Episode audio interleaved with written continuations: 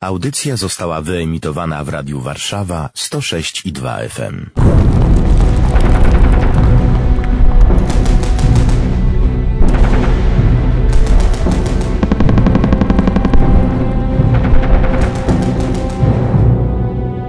Warszawa pamięta! Cytat. Nie sposób zrozumieć dziejów narodu polskiego, tej wielkiej tysiącletniej wspólnoty, która tak głęboko stanowi o mnie, o każdym z nas, bez Chrystusa. Jeśli byśmy odrzucili ten klucz dla zrozumienia naszego narodu, narazilibyśmy się na zasadnicze nieporozumienie. Nie rozumielibyśmy samych siebie. Nie sposób zrozumieć tego narodu, który miał przeszłość tak wspaniałą, ale zarazem tak straszliwie trudną, bez Chrystusa. Nie sposób zrozumieć tego miasta, Warszawy, stolicy Polski, która w roku 1944 zdecydowała się na nierówną walkę z najeźdźcą, na walkę, w której została opuszczona przez sprzymierzone potęgi, na walkę, w której legła pod własnymi gruzami, jeśli się nie pamięta, że pod tymi samymi gruzami legł również Chrystus Zbawiciel ze swoim krzyżem sprzed kościoła na krakowskim przedmieściu.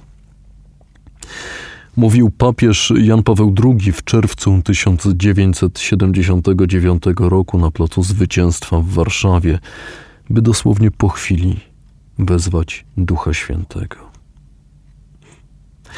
Zdobycie przez powstańców Kościoła Świętego Krzyża 23 sierpnia związane było z koniecznością zdobycia komendy policji granatowej, komendy miejskiej. Ta mieściła się w bezpośrednim sąsiedztwie kościoła, przylegała do niego murami. Dziś budynek zajmowany jest przez Uniwersytet Warszawski. Na ścianie od strony krakowskiego przedmieścia wisi tablica poświęcona kapitanowi Marianowi Eustachemu Krawczykowi, Harnasiowi, dowódcy grupy AK Harnaść i jego podkomendnych. To ci żołnierze, atakując od strony zabudowań gospodarczych, które już dzisiaj nie istnieją, no, jakbyśmy weszli w bramę od krakowskiego przedmieścia, spojrzeli w kierunku Ministerstwa Finansów, w kierunku ulicy Czackiego, to stamtąd ten atak był prowadzony. Zdobyli silnie bronione przez Niemców stanowiska. Walki o Kościół też były zaciekłe. Dziś na cokole figury Chrystusa, o której mówił papież, tej z napisem Sursum Corda w górę serca, widać wyraźne ślady po pociskach. Nie oddają one jednak ogromu zniszczenia, jaki stał się udziałem tego miejsca.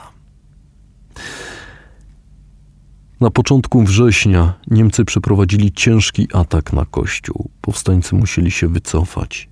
Niemcy skierowali do świątyni miny samobieżne Goliat. Kościół Świętego Krzyża, wielowiekowa pamiątka, świadek dziejów, panteon wielkich, legł w gruzach. Dziś o tym zniszczeniu przypominają pojedyncze, okaleczone artefakty. A jak to było z sercem Chopina? O tym jutro Warszawa stara się pamiętać.